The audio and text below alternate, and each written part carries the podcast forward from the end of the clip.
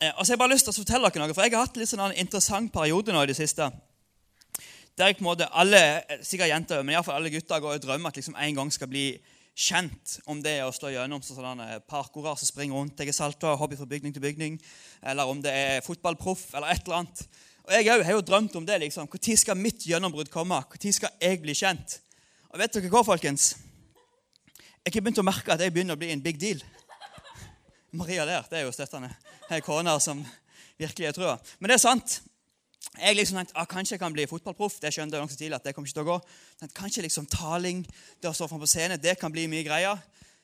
Det har ennå ikke skjedd. Jeg lever ennå i trua. Eh, men det er liksom jeg blitt kjent for. Det er litt sånn stusslig. Men jeg har likevel blitt kjent for det. Og det er skoene mine. Eh, jeg sto på scenen her på Ja, trenger ikke klappe, men jeg sto på scenen her en søndag. Eh, og en, Så skulle jeg opp og ha et vitnesbyrd, og da hadde jeg på de skoene. Og så tok han som talte, og det har gjort veldig stort nummer ut av det. Så uansett hvor jeg går hen nå, dere vet hvor gamle folk er, de snakker med alle. Eh, så det har tydeligvis vært noen litt eldre folk på Betania som har snakket med eldre folk en annen plass. som snakket med eldre folk en annen plass igjen. Så først trodde jeg bare det var på Haua. Jeg kom her en eh, helt vanlig fredag, tror jeg, og så var det et eller annet Israelsmøte der oppe. Og dødsmange som har stått med. 'Å ja, du har ikke bytta sko i dag heller, Sondre.' Og en, Jeg har aldri sett han før han bare Eh, 'Skal vi bytte sko?' Så jeg, bare, jeg skjønte ikke hva han mente med en gang. 'Hæ? Trenger du sko?' Så bare, 'Nei, skal vi bytte sko?' Og så sto han og gallo. Og I dag skjedde det sjukeste. Jeg var liksom uten, utenbys. Jeg var i Lyngdal. Og Der gikk vi forbi to litt gamle folk. Eh, og så sa broren min at 'Du, Sondre, det sikter så veldig på deg'. Så skjønte jeg ikke helt hva det var for noe. For jeg følte at jeg, eller jeg, visste, jeg trodde egentlig det var for jeg har fått gnagsår under beina. Så jeg, altså, da hadde jeg ikke på gnagserplaster. Så jeg gikk sånn som dette. For det kan ikke gå på Jeg trodde det var det. Men det viste seg at det var folk som hadde snakket med noen her på Betania, som da kjente igjen skoene mine. Eh, og jeg trodde liksom at greit, det stopper der. At liksom skoene, det, kom, det, noe, det, det, går ikke lenger enn det. Det stopper der. Men jeg skal ikke nevne navn. Men det er faktisk noen som etter jeg begynte med det skogreiene, har sett seg opp til meg at de har tatt og kopiert hårfargen min. Jeg skal ikke si noe navn, eh, men det er lovsangslederen på Ubetania som er tatt og farga håret. Det syns jeg er veldig kult. Jeg er Jeg snakker ikke, jeg har ikke nevnt noe navn. Bare slapp helt av. Ja, ok da. Jeg bare tuller. Jeg tuller, jeg er ikke en big deal i det hele tatt. Eh, og det er iallfall ikke derfor jeg er her. Jeg er her for å snakke om gåsehudgud, og snakke om kanskje en myte som veldig mange tror er sant om Gud, men som ikke alltid helt er sann. Og jeg vet ikke med dere om dere liksom har hatt litt den tanken at yes, når jeg tar imot Jesus, eller når jeg leser i Bibelen, så liksom, da kjenner du det virkelig. Liksom, hvis ikke du virkelig har kjent Gud, da passer ikke Gud for deg. For Hvis du skal kjenne Gud, så må du sånn, føle det på hele kroppen. Du må liksom få sånn gåsehud, litt frysninger. Kanskje du har lest i Bibelen, og så skjønner du ingenting. Eh, ingenting skjedde med deg. Det var liksom ingenting annerledes etter du leste i Bibelen. Eller andre under lovsangen. av Jeg har stått med folk som er dødsflinke å synge. De bare helt sånn oppe med hendene, de er skikkelig med, og du bare ser at nesten de begynner å grine. Og så tenker du Hvorfor, hvorfor, føler deg Gud så mye? Og så står du der, du strekker hendene så langt opp i været du klarer, og begynner å bli sånn, hendene begynner å sovne, og du kjenner liksom ingenting. Hvor, hvor er Gud henne? Eh, eller når du ber. Jeg jobbet som ungdomsleder på Sion på Moi. Og Der var det to damer som var så sykt flinke til å be.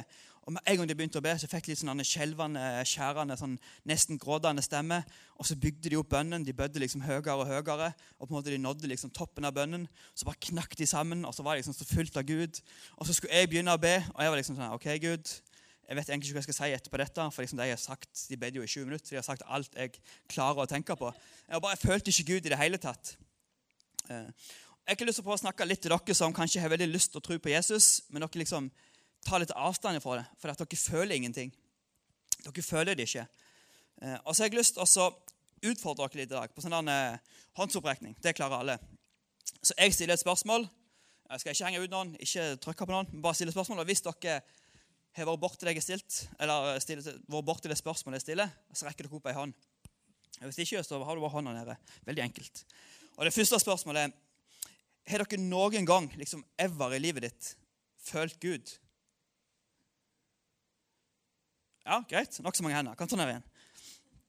Eh, har dere på møte i dag følt Gud? Ja, Litt færre hender, men det var noen hender. Eh, nå trenger vi ikke håndsopprekning, for da blir det kaos her. Men hvordan vet du det? Hvordan vet du at du har følt Gud? Var det en litt sånn kriblete følelse? Du kjente at det var litt godt på innsida? Det kribla litt? Mm. Begynte du kanskje å grine? Fikk litt tårer i øynene? Du ble så rørt at liksom, åh, nå, nå, nå, må jeg, nå må jeg stoppe dåsing, ellers begynner jeg å grine. Det er kleint. Eh, fikk du en indre ro? Var det et eller annet liksom, åh, Det var så kaos i det siste. Men så bare nå, nå bare følte jeg en sånn indre ro. Eh, var det det som var tingene? Og Jeg tror hele mitt hjerte at Guds nærvær, det å føle Gud, det kan gi deg en kriblete følelse. Eh, men jeg vet òg at det å sitte på sida krasjet ditt, eller den du liksom har et litt sånn godt øye til, det kan òg gjøre deg en litt kriblete følelse. Logan. Ja, han nikker. Han bekrefter det. Eh, eh, og Guds nærvær det kan få deg til å grine. Det kan liksom få fram tårer. Men jeg vet ikke med dere, jeg elsker å sitte på telefonen og jeg elsker å se på YouTube. For det er, så, det er så ufattelig mye bra. Og jeg er så glad for det. For jeg er ikke velsignet, men det har skjedd veldig mye som jeg vil si sjukt i min barndom. Der liksom jeg krasja med agebrett, og folk har fløyet altfor høyt opp i lufta. Og ingen hadde trodd på meg. Hadde ikke vært jeg kunne sagt liksom, se her, det går, det, fysisk, det går faktisk fysisk an at det skjer. Eh, grunn, kan liksom, det kan bevises pga. YouTube. Og jeg, Av og til kan jeg begynne å se på, jeg skal gjerne lære meg å knytte slipset mitt. For jeg, jeg kan ikke det. Så jeg søker på YouTube how to tie a tie, og så finner jeg en video på det. Hvorfor ler dere? Det er det det heter. Ja. Men i alle fall, så ser jeg en video av det, og så blir jeg litt videre, så ser jeg en ny video. Så det er kanskje en apekatt som knytter et slips. Og så ender du liksom opp helt til slutt, så sitter du og ser en apekatt som smører ei skive med leverpostei med foten sin. Det er sånn, YouTube er helt sjukt. Og Av og til når jeg ser på YouTube, eh, så går det kanskje litt andre veien. Plutselig så sitter jeg og ser på en fotballspiller, typ Cristiano Ronaldo, som veldig mange liker, som veldig mange hater. Eh, der han på en måte druser en ball over mål, treffer en eh, liten gutt i hodet. Han begynner å hylgrine. Og så Etter kampen så springer han bort og så gir han han drakta hans. Og Så kommer det bare en video der det er masse sånne skikkelig fine øyeblikk. Eh, og liksom, Titanic, The Notebook jeg, jeg, jeg, kjenner det ikke litt engang. Jeg begynner ikke litt å grine. Men jeg ser sånne ting. liksom Fotballstjerner gir drakta til små gutter. Så det, var et, det trigger et eller annet i meg. Så da kan jeg sitte og begynne å grine av en YouTube-video. Eh, så Guds nærvær det kan liksom få deg til så rart å begynne å grine, men det kan òg YouTube.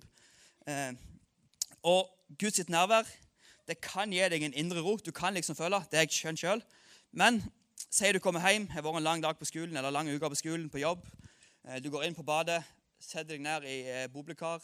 Du tenner noen lys, tar på litt chill musikk, og så tømmer du oppi badesaltet. Du får sånn indre ro da, Arild. Ja, du gjør det. Det er ikke mye sånn Så dere er med på tanken at liksom Gud det kan gi deg indre ro. Eh, men det finnes liksom andre ting her òg som kan gi oss indre ro. Så, så hvordan vet vi at det er Gud? Eh, og en annen ting Hvis du ikke følte Gud, hvem sin feil er det? Eh, er det Guds feil, eller er det din feil? At liksom denne uka eh, Maria, så har du gjort det, det skulle du ikke gjort. Det der burde du gjort, det gjorde du ikke. Så I dag er ikke du vært god nok. Denne uka ikke vært god nok, Så i dag da får du ikke føle meg. Nei, det er ikke sånn. Eller er det kanskje låsaslederen som ikke valgte de rette sangene? At liksom de sangene som du blir påkobla, de var ikke der. Jeg tror ikke heller det er det. Eh, og jeg tror det vi må skjønne av det er egentlig hele talen bryter, eller talen bryter litt ned til at Guds følelser de er så enormt Enormt, jeg har tunga rett i munnen. Guds nærvær Jeg tar den på ny. Guds nærvær det er så enormt mye større enn våre følelser. Og Det er enormt viktig at vi får inn i hodet. Eh, og første punktet til dere som noterer 80 av de som noterer, kommer rett inn i himmelen. Det er litt digg. Hvis du ikke alltid føler Guds nærvær, eh, så er du ikke alene. Og Det må, jeg vi må ta med oss litt. Eh, og bare For å bekrefte det, så har jeg bare fått noen sånn kjapt noen kjente personer i Bibelen. Ta David, for eksempel, I Salme 88, 13-14. Der skriver David Jeg roper til deg, Herre. Hver morgen kommer med bønn framfor deg. Altså Hver morgen så roper han til Gud. Han ber til Gud. Hvorfor støter du meg bort? Herre? Hvorfor skjuler du ditt ansikt for meg? Her sa vi David, han som liksom en plass i Bibelen skrev at liksom, greit, Gud, selv om jeg går gjennom dødsskyggen dal, selv om jeg liksom er på den verste plassen i livet, eh, så er du jo fortsatt med min side. Han liksom utvalgt av Gud til kongen. Han hadde en kjempegod relasjon med Gud. Liksom, de var bros, de følte hverandre hele tida.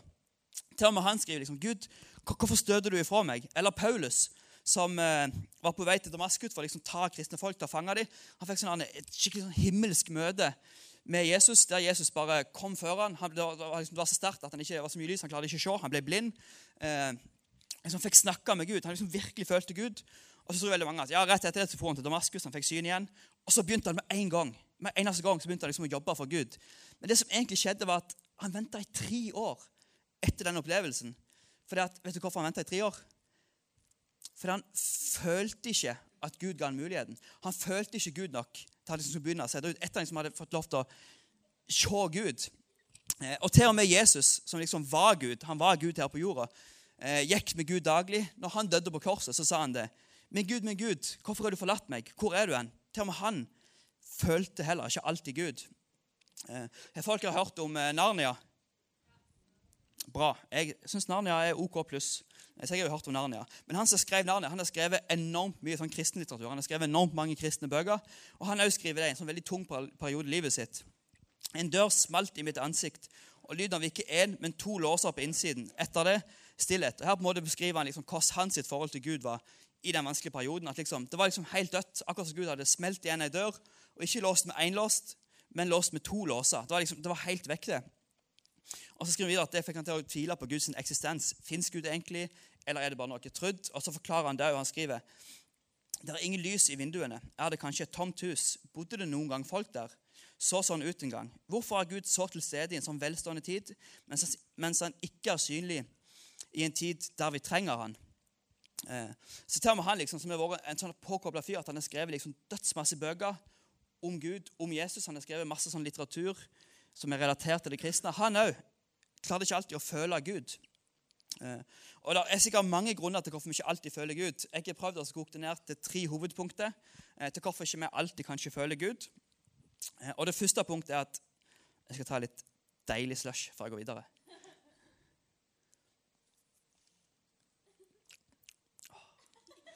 Ja, sykt god, faktisk. Blå bringebær, det er tingen. Men OK. Hvorfor følger du ikke alltid Gud? Første punktet. Av og til tror jeg vi overtenker det. Vi overtenker det med å føle Gud. Og I Hannes 6, 30-31 så ser vi noen som gjør det. For de sier liksom Hvilke tegn gjør du? Jeg tror de spør Jesus, men det kan være de spør disiplene. Men det er urelevant. Hvilke tegn gjør du, så kan vi se det og tro på deg. Hva vil du gjøre? Her er liksom, De spør liksom disiplene, eller Jesus. Det er dumt om jeg ikke husker det, men samme det. Eh, ja, greit, Hvilke tegn kan du gjøre, sånn at vi kan tro på den guden du sier fins? Hvilke tegn kan du gjøre? Og så sier de våre forfedre spiste manan i ørkenen. Manan det var en type brød slik det står skrevet. Brød fra himmelen ga han dem å spise. Og det som skjedde var at de var ute i ørkenen, Det var liksom ingenting mat. ingenting, Og så bare sendte Gud brød ned fra himmelen. Et sjukt tegn. og liksom Da tenker jeg at da er det egentlig veldig lett å tro når det kommer brød fra himmelen. Da hadde liksom, da skulle jeg trodd på mye. hadde det plutselig kommet brød fra himmelen. Eh, og De liksom, hadde liksom, de, hadde, de overtenkte det så mye. De tenkte at de må ha sånne store tegn, sånne store ting som skjer. Og vi kan være litt sånn at greit, Gud, hvis du bare sender en engel med en sånn pil som bare peker i den retningen jeg skal gå på videregående, så kan jeg tro på deg. Vi venter på sånne store tegn eh, og blåser det veldig opp. Jeg òg var sånn. Når jeg eh, typ, tok imot Jesus, eh, da var jeg på Lunden. Det var meg og to andre i klassen som eh, tok et valg. Eh, og de to de bare knakk sammen. De bare, du bare så at de følte Gud så sykt mye at liksom, de klarte ikke å snakke engang. Mens jeg satt der og liksom ja, Hadde noen fortalt en vits, hadde jeg begynt å le. Jeg, liksom, jeg følte ingenting. Men jeg, liksom, jeg var sikker på at jeg hadde tatt et valg. Eller når jeg konfirmerte meg, så kom liksom farfar bort og sa ah, det her er en stor dag, sånn, at du har valgt å gå liksom, truens vei. og nå håper jeg du føler, ja, sånn, masse stor, stor, stor sag ut av det. Men jeg følte ingenting. Eh, eller når jeg døpte meg ned i vann, opp igjen. Eh, det var liksom, det var helt likt. Jeg følte ingenting. Eh, og jeg tenkte liksom, Hva fillen er egentlig galt med meg? Hvorfor føler ikke jeg Gud? Eh, så jeg heldigvis var så heldig at jeg ikke fått lov til å oppleve og føle Gud andre plasser. Men jeg tror av og til og det var det jeg gjorde de gangene der at jeg overtenkte det så mye. Jeg var så fokusert på liksom, at Gud skal gjøre det så enormt stort. Han skal gjøre det så veldig flott. Eh, og så glemte jeg litt fokus på det jeg egentlig skulle ha fokus på. Eh, og greia at Noen ganger så vil vi føle Gud. Det vil skje. Noen ganger vil vi føle det, andre ganger så vil vi ikke føle Han. Eh, det må vi huske at Hvis vi alltid, hvis vi hver eneste gang hele tida hadde følt Gud, eh, så hadde vi ikke trengt å tro, for da hadde vi hele tida følt han, da hadde vi visst at det var noe der. Og alt Bibelen, alt det Jesus gjort, det bygger på at vi tror på Jesus. Så Hvis vi alltid hadde følt han, så hadde liksom alt, det hadde ikke vært vits. Så greit, Første punkt er at av og til så overtenker vi det. Vi gjør det større enn det det egentlig er. Eh, alle som går og venter på et stort tegn. Gud liksom skriker han i øret ditt med en megafon. Men kanskje han er der eh, på siden av deg. Men denne gangen så hvisker han det. Men så er du så opptatt av så store tanker sånn, at du, du får ikke med deg når Gud hvisker til deg. Andre punktet er at kanskje hjertet ditt har blitt hardt I Matteus 13, 14-15 så står det Når dere hører, skal dere høre, men ikke forstå. Jeg blir sånn, Hæ? Når vi hører, skal vi høre? Men vi skal ha det, men skal ikke forstå. Når dere ser, skal dere se, men ikke få innsikt. Altså, Vi skal se det, men vi skal ikke se det likevel. Hvor, hvor er greia? Hvor vil du hen? For dette folket tar sløve hjerter, altså de har hjerter som på en måte er blitt harde. Deres ører har vanskelighet for å høre, og, dere, og de nekter å se det de ser. Det de ser. Og det de egentlig snakker om her, er på en måte at, at når vi synder, når vi gjør ting som er feil, når vi gjør ting som er dumt, som Gud ikke liker, så skiller det oss fra Gud. Men Det er ikke sånn at Gud stikker av sted. Han forsvinner ikke. Men det skiller dere. Se for dere at du har en eh, kjæreste. eller se for, ta det enda lenger. Se for deg et ekteskap der det er en mann og en dame. Og de to er sammen. De føler hverandre. Og så er en av de utro. Eh, det vil ikke bety at de nødvendigvis akkurat etter den er utro at det er slutt. De er fortsatt sammen, eh, men det er et eller annet der som er annerledes. De følelsene, den intimiteten som var der tidligere, den er ikke der lenger. Og Sånn er det med oss Gud òg, når vi gjør noe vi ikke burde gjøre. Eh, så er det et eller annet der som ikke er der sånn som, sånn som det var før.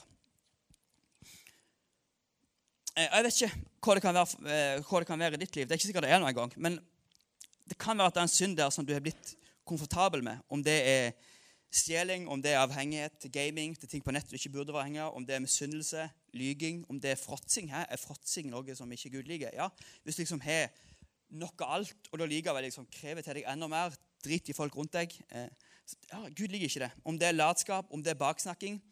Det kan være sånne ting som gjør at hjertet ditt blir sløvt, at hjertet ditt blir hardt, eh, og så skiller det deg litt vekk fra Gud. Og så kan det være grunnen til at ikke du ikke føler Gud.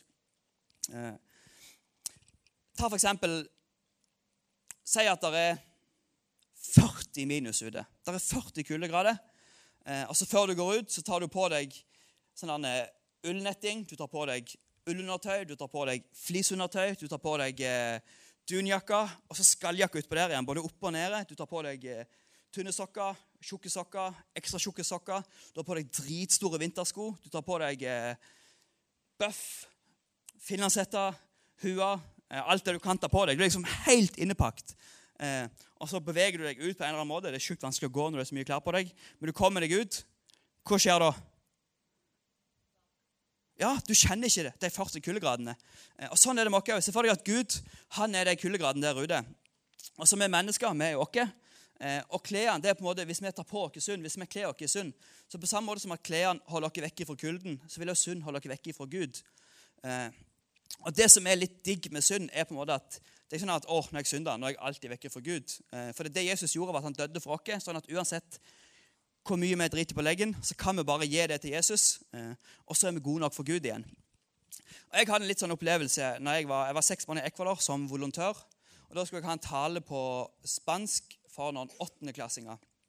Og det var sånn denne, jeg kjente at greit, Gud, nå må jeg og deg virkelig jobbe på lag. Ikke bare skal skrive en tale, men jeg skal liksom oversette den til spansk. Dette her, nå, nå må jeg virkelig være påkobla. Og selvfølgelig, akkurat den kvelden jeg hadde jobbet med den talen, så begynte det å pøsregne. Og når det pøsregna i Ecuador, da var det ikke sånn at det regna liksom i to timer, bitte litt, og så var det stopp. Det, liksom, det la ned i mange timer. Eh, og Utover kvelden så begynte det liksom, nedover veiene så var det liksom bekker som rant. Eh, og inn i huset vårt så begynte det å renne vann. Vi hadde liksom stabla masse garasje nede i kjelleren. og Der begynte det å fylle seg opp med vann. Eh, og det var mye, mye andre sånne ting over det huset vi leide der. Og så var liksom de andre, Vi var fem stykker. De andre var ute i byen, så var meg og så ei venninne igjen.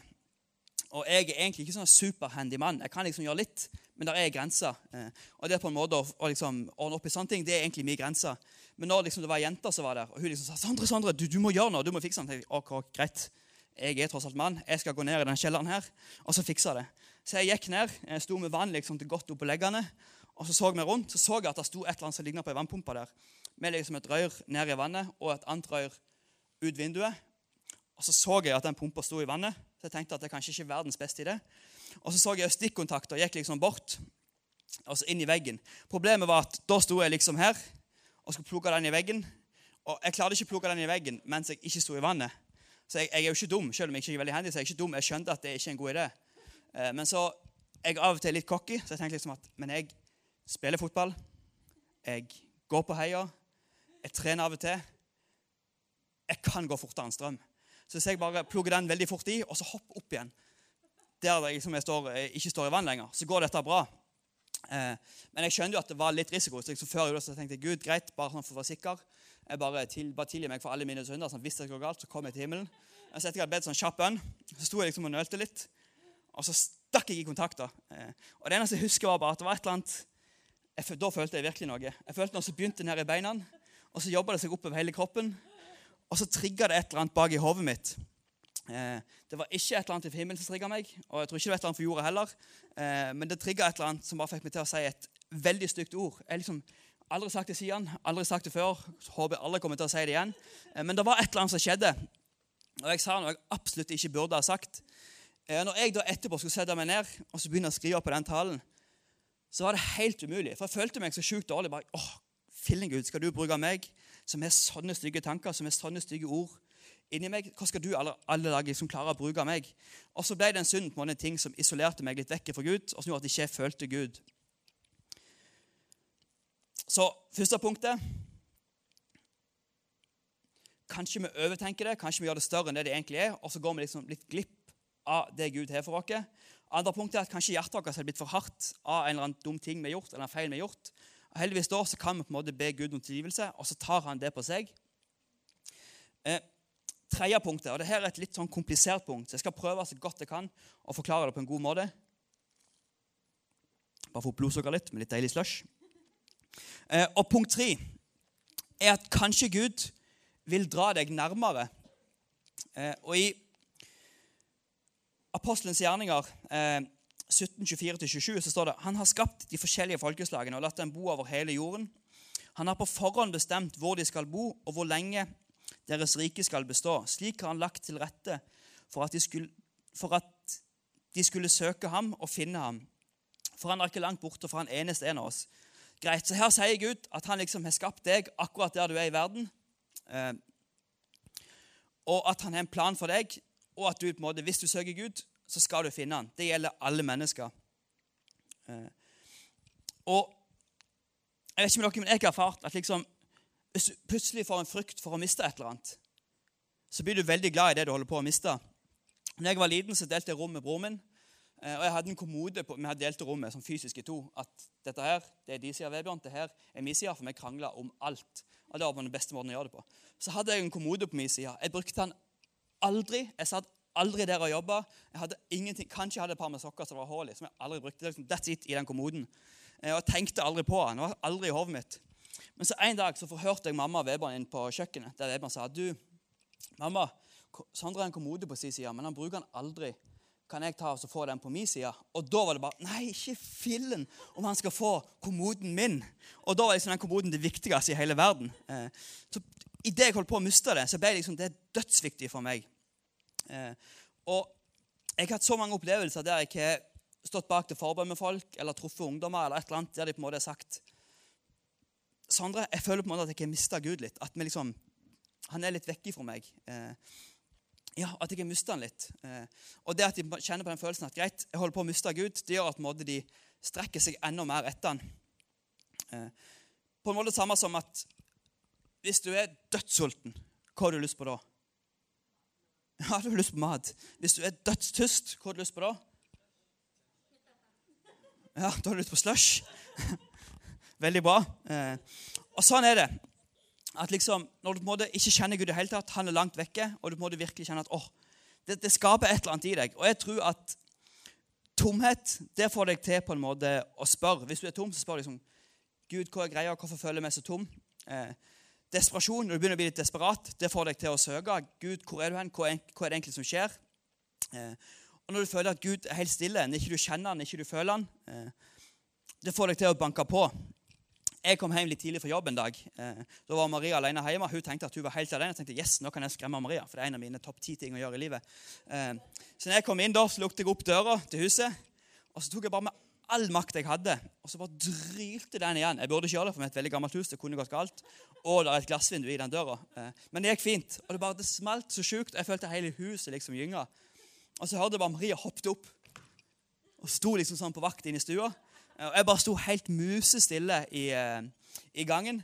Og sånn logisk tenker jeg at det som egentlig er lurt å gjøre hvis du tenker at å shit, nå blir huset rana, sikkert det er noen som har våpen og skal ta meg, eller ja, i hvert fall, huset blir rana, det er liksom å liksom komme seg vekk og komme seg i trygghet. Men det er ikke sånn med mennesker fungerer. For at idet de blir helt stille, så blir det sånn Hva er egentlig greia? Hva skjer nå? Så jeg hørte liksom Maria begynte her borte. Og så var hun litt sånn usikker, og så begynte hun å gå sånn seint. Sånn jeg hørte ett steg, stoppet opp, og så lytta litt. Ja, det er fortsatt stille. Tok ett steg til, lytta litt, fortsatt stille. Eh, og så I den stillheten så liksom gikk hun nærmere og nærmere. nærmere. Eh, og så, Hun banket ikke på døra, da, men det var sikkert hun hadde gjort når hun kom bort og spør liksom, hallo, er det noen der ute i huset mitt. Eh, men når det blir stille, så banker vi på. Og Jeg sier ikke at det er Gud som på en måte ikke lar deg føle. Men Av og til så kan vi gjøre dumme valg, av og til kan vi gjøre ting, og kanskje av og til er Gud òg. Eh, ikke la dere føle han, fordi at vi gjør ting på feil måte for å skape en desperasjon i livet vårt. Der vi kjenner at greit, jeg, jeg, jeg trenger virkelig Gud. Jeg trenger han. Eh, og så bruker Gud det til å trekke oss nærmere han. Yes, Kan jeg komme opp og få litt sånn rolig pianomusikk? Det hadde vært digg nå når vi går mot avslutning. Utfordrer jeg deg litt nå? Nei, konge. Ta det på strak arm. Yes, jeg skal gå helt mot avslutning. Jeg lander nå øyeblikk. Eh, men bare vær litt med meg i bønn. Yes, kjære far. Eh, vi ber som en gjeng som lengter etter deg, eh, til å være i ditt nærvær og til å bli skikkelig klar over at om vi føler deg, eller om vi ikke føler deg, Gud, så vil du aldri forlate oss. Du svikter oss ikke, og du er der alltid uansett. Og du er alltid god. Amen. Og I dag har jeg bare én utfordring. Men jeg har lyst til at folk må, skal ta oss og bøye hodene og lukke øynene. Ikke for at jeg skal dra fram noen eller gjøre noe kleint, eller noen ting, bare for respekt til den du sitter på sida. Eh, og for at dette er et valg mellom bare deg og Gud. Og så har jeg lyst til å si deg litt fakta. Jeg har snakket mye om følelser, men jeg vil si dere fakta. Uansett hvordan du føler det med Gud, eh, så er faktaen at Gud han er gal etter deg. Han er faktisk så gal etter deg at han sendte sin egen sønn, sin eneste sønn, sånn at han kunne ta på seg alt det dumme vi gjorde, alt den driten vi gjorde. Eh, så døde han for oss. Han sto opp igjen for oss, eh, sånn at vi kan ha en relasjon med Gud. Og Jeg tror ikke at det er tilfeldig at akkurat du er her i dag. Eh, vi skulle som Maria sier, vi skulle egentlig vært på skitur. Det skulle egentlig vært et helt annet konsept, en helt annen omstendighet. Men jeg tror at det er en grunn til at akkurat du er her akkurat i dag og hører akkurat dette. Eh, og hvis du føler et eller annet, eh, så tror jeg det er Gud som prøver å si til deg at greit, jeg er her. Jeg har sykt lyst til å leve livet sammen med deg. Det er jeg som har skapt deg. Det er jeg som vet hvordan du fungerer best. Det er ikke læreren din, det er ikke vennene dine, det er ikke familien din, det er ikke internettet. Men det er jeg som vet hvordan du fungerer best. Og sammen så kan jeg og deg gjøre ditt liv om til det beste livet du kan leve. Ja, hvis du kjenner et eller annet som dreier litt imot det, så skal du få lov til å rekke opp i hånden til til tre, og så blir det et valg kun mellom deg og Gud. Ingenting kleint, ingen skal fram eller noen ting. Det blir et valg mellom deg og Gud. Hvis jeg teller til tre, så kan du rekke opp i hånden. Én tre. Jeg kan bare ta ned hendene. Så holder vi fortsatt bare hodet nede og øynene igjen. Eh, og så ber vi en bønn sammen. Dere bare gjentar etter meg. Kjære far Å, dere kan gjenta bedre enn det. Kjære far. Jeg gir deg mitt liv. Jesus, redd meg. Gjør meg ny. Fyll meg med din ånd, så jeg kan følge deg, tjene deg for resten av mitt liv. Amen.